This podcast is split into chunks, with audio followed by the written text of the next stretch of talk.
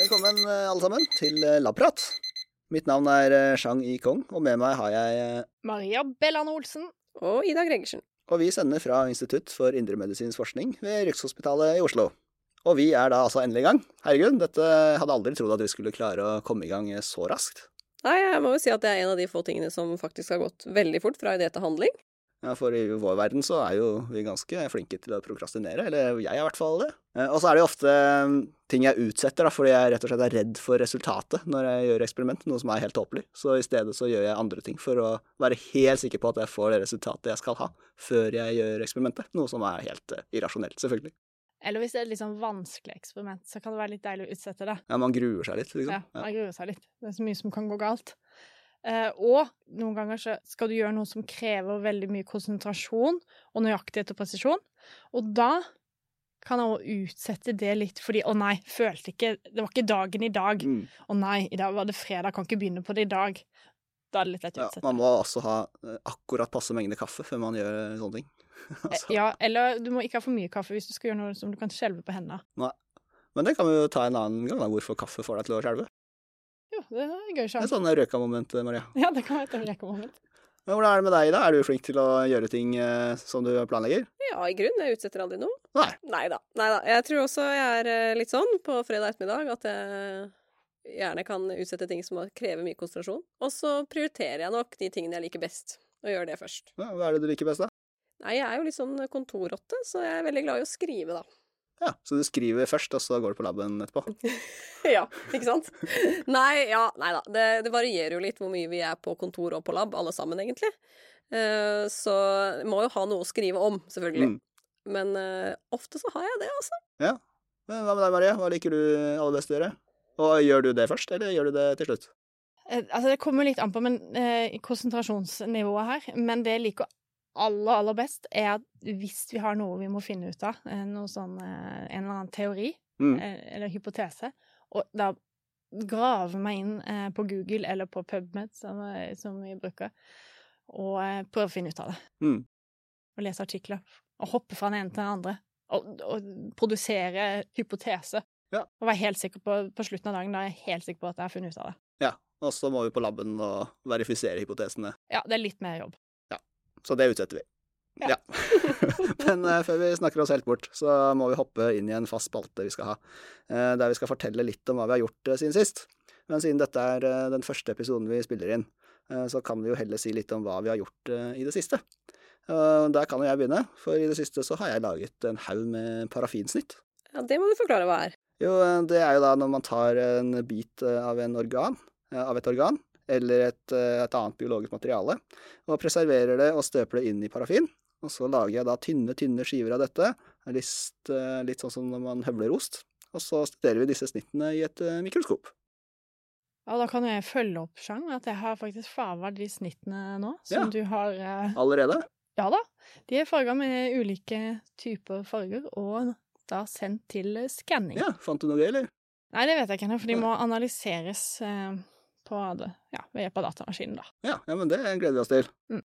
Men eh, hva med deg, da? Hva har du gjort? Nei, jeg har hatt mye skriving på agendaen, eh, og særlig søknadsskriving. Så jeg har rett og slett søkt eh, om penger, da, til å drive med det vi gjør. Så, og hvorfor vi må det, det skal vi jo komme tilbake i en senere episode. Ja, for det er jo en stor del av arbeidshverdagen vår. Absolutt. Men eh, det skal vi snakke mer om eh, neste gang. Eh, nå i første episode så tenkte vi at vi skulle ha en litt myk snart. Vi skal eh, snakke litt om eh, hva slags forskere vi er. Eh, for forsker, det er jo ikke en beskytta tittel. Nei, et viktig poeng er kanskje at vi får betalt for å forske, da. Vi er jo på en måte profesjonelle forskere. Så ja, dette er jobben vår. Eh, Så vi får også betalt for å sitte her. For det å formidle kunnskap og forskning er også en viktig del av jobben vår. Det er det ikke alle som vet. Nei, det tror jeg ikke. Eh, Men eh, vi er jo ansatt eh, på Rikshospitalet, som igjen er en del av Oslo universitetssykehus. Eh, Så hvordan blir man egentlig ansatt som forsker her, og hvem er det som bestemmer hva det er vi skal forske på? Det er jo litt vanskelig å gi et kort svar på det, for forskere de ansettes når det er behov for å finne ut av noe vitenskapen da ikke har kunnskap om ennå. Og så er det da en fordel om den kunnskapen som mangler, kan bidra til at vi f.eks. For forstår en sykdomsprosess bedre. Men er det da sånn at det er noen som sier at uh, dette her trenger vi vite noe mer om, nå ansetter vi, ansetter vi noen uh, gode forskere til å finne ut av nettopp dette?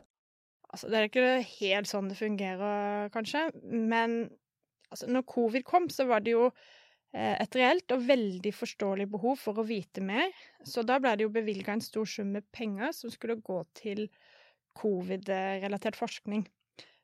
Men vi som da er etablerte forskere, vi må bidra med ideer og problemstillinger relatert til temaet, og da komme med forslag til eh, hva man kan eh, forske på, eller hvordan man kan bygge opp forsøk. Um, og, og, da formidle hvilken nytteverdi den kunnskapen vil ha. Og så kan de jo få penger, da, hvis de, hvis de tror på oss. Hvis det er spennende nok, liksom. Hvis det er spennende og nytte, at det virker Altså, hvis vi klarer å presentere en nytteverdi som kan være nyttig, ja. fornuftig. Mm. Uh, og som du er inne på, så er vi jo ganske frie da, til å foreslå problemstillinger innenfor et større tema som vitenskapen ikke har klart å besvare ennå. Ja, helst bør det vi finner ut av ha en viss nytteverdi også. Det er jo ikke alltid vi finner noe fornuftig, er det det? Nei, det er kanskje ikke i hvert fall alltid like, like lett å se den direkte nytteverdien. Men så må vi huske på at eh, all ny kunnskap eh, bygger på et større bilde. Jeg pleier ofte å komme med et sånn eh, eksempel fra min eh, hyttenabo på Sørlandet. Ja. Fordi han, han, husker, han, han forska på feromoner i sånn eh, barkebille. Ja. For ja, han er jo pensjonert nå, da, så det var jo ganske mange år siden, men på biologi der på UiO. Og, og, det var ingen som altså, Det var i forbindelse med paringen eller et eller annet. Og det var det jo ikke så mange som skjønte hva, hvorfor han holdt på med det. Da. Han tok doktorgrad på det her. Ja, eh, og feromoner er sånn lukt, eh, lukthormoner. Og da, litt etterpå, så kom da denne barkebillinnovasjonen i Norge. Og nå lurer på det var på 70-tallet eller et eller annet. Eh, hvis det var feil, så får vi klippe bort akkurat det. Men da, da klarte i hvert fall han og kollegaen hans å utvikle en sånn barkebillefelle. Ja. Som gjorde at de kunne De putta sånn lukthormoner inn i de fellene, og så klarte de å fange ganske mange barkebiller som de da kunne redde. Ja, Så de putta rett og slett et luftmolekyl oppi en flaske, og så sverma de inn i den flaska, eller den fella, eller hva det nå de hadde for noe? Ja, på den, ja. Litt sånn tiltrakk seg, tiltrakk seg barkebiler som eh, kanskje trodde de skulle bare Jeg vet ikke. Nei, det er tidenes nedtur som ja. Det kom til nytte. Det, kom til nytte. det var poenget. Var, det Ja. var ingen som skjønte hvorfor man skulle forske på eh, Barkebiller? Nei. Nei, hormonene til barkebiller og altså reproduksjonsopplegget til eh, barkebillene. Men det tok jo ikke lang tid før det kom til nytte for ja. hele landet. Nettopp. Det er Er det noen som om det her, Sang. Det kan du til, til Ja, ja, ja. Jeg må høre det. Men er det noen som forsker på feromoner mot uh, brunsnegler? ja, det kan godt Det hadde være. vært uh, Kunne topp. tjene litt penger på, tror jeg. Men vi kan jo kanskje oppsummere denne lille praten vår med å presentere hva det er vi gjør for noe. Uh, hva er egentlig det overordna temaet vi forsker på? Jo, eh, jeg vil jo kanskje si at det overordnede temaet for vår forskningsgruppe er kronisk betennelse. Altså når kroppens eget forsvar gir sykdom. Eh, Og det er jo egentlig da at immunforsvaret vårt i noen tilfeller blir for aktivt, eh, så det rett og slett er med på å drive skade og sykdom istedenfor å hjelpe oss. Så i vår forskningsgruppe så jobber vi med det med kronisk betennelse da, i mm, det vi kaller livsstilssykdommer, som f.eks. hjertesykdom, diabetes og fedme. Og så må du ikke glemme translasjonsforskning, Ida. For det, det ordet translas, translasjonsforskning, det brukes eh, veldig ofte. Det er veldig ja, flott. Hva betyr det? Nei, eh, du kan jo si fra bench to bedside, som eh, en av våre sjefer ofte sier. Altså, du skal da ta spørsmål fra klinikken, inn på laben, og tilbake til klinikken og pasientene. Det må sies med en innlevelse, Ja, det er alltid veldig kraftig stemme Ja, når ja. man snakker om translasjonsforskning. Ja, det var godt du sa, Maria. Det er et viktig poeng. Det er Ja, ja, translasjonsforskning det er vi viktig, med. jeg mener ikke å tulle med det, men altså, det er jo selvfølgelig det. Ja. Vi, vi forsker jo for at det skal være til gode for pasientene. Mm. Absolutt. Og vi kommer selvfølgelig til å snakke veldig mye om prosjektene vi har, og så kommer vi til å dele litt av eh, hva vi finner ut av eh, utover i postkasserien vår. Men eh, tiden flyr jo når vi hygger oss, og det er kanskje faktisk på tide å runde av første episode. Eh, og til slutt, som en dessert egentlig, Maria, så skal jo du presentere et lite eureka-øyeblikk fra forskningens eh, verden. Eh, men vi kan jo starte med å forklare hva eureka egentlig betyr. Ja, det er jo gresk og betyr noe sånn som eh, 'se hva jeg fant'. Ja, ja, men da tror jeg både Ida og jeg gleder oss veldig til å se hva du har vunnet. OK. Så jeg lar meg jo lett distrahere når jeg leser meg opp på noe ved hjelp av internett. Så jeg ofte kan gå inn på Google eller PubMed, som er da en database for medisinske tidsskrift. Så har jeg ett mål for øyet, men så ender jeg ofte opp med å lese noe helt annet, fordi på veien er det så mange interessante artikler. Så i dag så hadde jeg jo tenkt å snakke om nitrogenoksid, Mm. NO, som er en gass som er et signalmolekyl uh, brukt i kroppen vår. Men så endte jeg opp med å finne en veldig artig artikkel da, som uh, handla litt mer om uh, andre gasser og hvordan de blei funnet. Ja.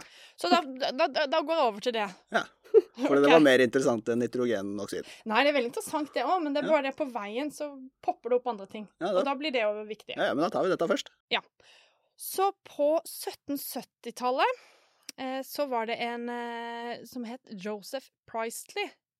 Og han fant da en ny gass som fikk stearinlyset til å brenne kraftigere, og musa til å leve lenger når han putta den inn i en boks, og så sammenligna med vanlig luft. Og da kalte han det Nå Da må jeg bare hoppe i det. The, the, the plasticated air. Og det, The Plasticated Air, var det en da seinere, Anton Lavoisier Ganske ikke minst, jeg ikke. Men han kalte det da oksygen. Og det Da i 1780 så klarte han da, sammen med en matematiker, å vise at et marsvin konsumerte oksygen og produserte karbondioksid. Dessverre så ble han da Lavoisier han ble halshugd eh, av en giljotin 8. mai 1974, så vi fikk liksom ikke noe mer fra ham. Fordi han fant ut dette eller? Nei, det hadde noe med noe krig å gjøre, ja, men akkurat akkurat det når det, når det går på sånn historie, så plukker ikke jeg det opp. Det var ikke like spennende. Men det var en som leste hans eh, lærebok, og det var en som het Humphrey Davy. Og da han fortsatte på hans forskning, og han var veldig opptatt av lungefunksjon, og så gjorde han også beregninger på lungevolum. Det var en av de første som gjorde det. Og han var veldig opptatt av hvordan alle de her gassene påvirket kroppen. Og han hadde noen sånn metoder som kanskje var litt u... Ja, jeg tror ikke det vært helt innafor i dag, da, sånn HMS-messig. Eh, så det han gjorde Han delte gasser inn etter, etter eh, de som var greie å puste inn, og de som ikke var så greie å puste inn. Og for eksempel så visste han at karbonmonoksid det, fikk, eh, det ville forårsake død i dyr, men Mhm. likevel så tenkte han at det her må jeg prøve. Ja, Så han gjorde det på seg sjøl? Han gjorde det på seg selv. Så han lagde eh, da, basert på det han opplevde, en beskrivelse, som da var en artikkel, em, hvor han sier at han fikk brystsmerter, han mista sansene, han fikk hodepine og svakhet, og kvalme og hukommelsestap. Så rett og slett fikk han da en karbonmonoksidforgiftning. Mm. For dette var jo aldri Ingen hadde prøvd dette før. Han, han var jo si, gæren nok til å prøve det på seg selv, for å kunne beskrive da hvordan det føltes eh, å puste inn karbonmonoksid. Absolutt. Og så var han jo, men det, så det her var jo en litt ubehagelig ting som han opplevde. Men han, han prøvde også en annen gass, som ga han da litt mer glede. Og det er da gassen en dinitrogenoksid, som er lystgass. Og den lystgassen, den, den, eh, den likte han såpass godt at han ble for en periode nærmest eh, avhengig, eh, lettere avhengig av denne gassen. Og så hadde han da lystgasseksjoner opptil tre ganger om dagen. Ja. Hvor han også hadde med seg da flere av eh, datidens prominente folk. Ja, Men vet du, vet du noe om hvilke andre gasser han prøvde, bortsett fra disse to? Prøvde han helium, for eksempel, og satt alle der med sånn pipstemme og pratet om Du, det vet jeg faktisk ikke. Det, det, det, har, det hadde vært veldig gøy, men da tror jeg det hadde stått om det i den artikkelen. Ja. Men han prøvde de vanlige gassene som sånn oksygen, karbondioksid og, og em, Hva er det siste vi har i luft som er masse? Nitrogen? Nitrogen, ja. Det er kjempebra. Takk. Ja. De, de, de ble definert som sånn pustbare gasser, da.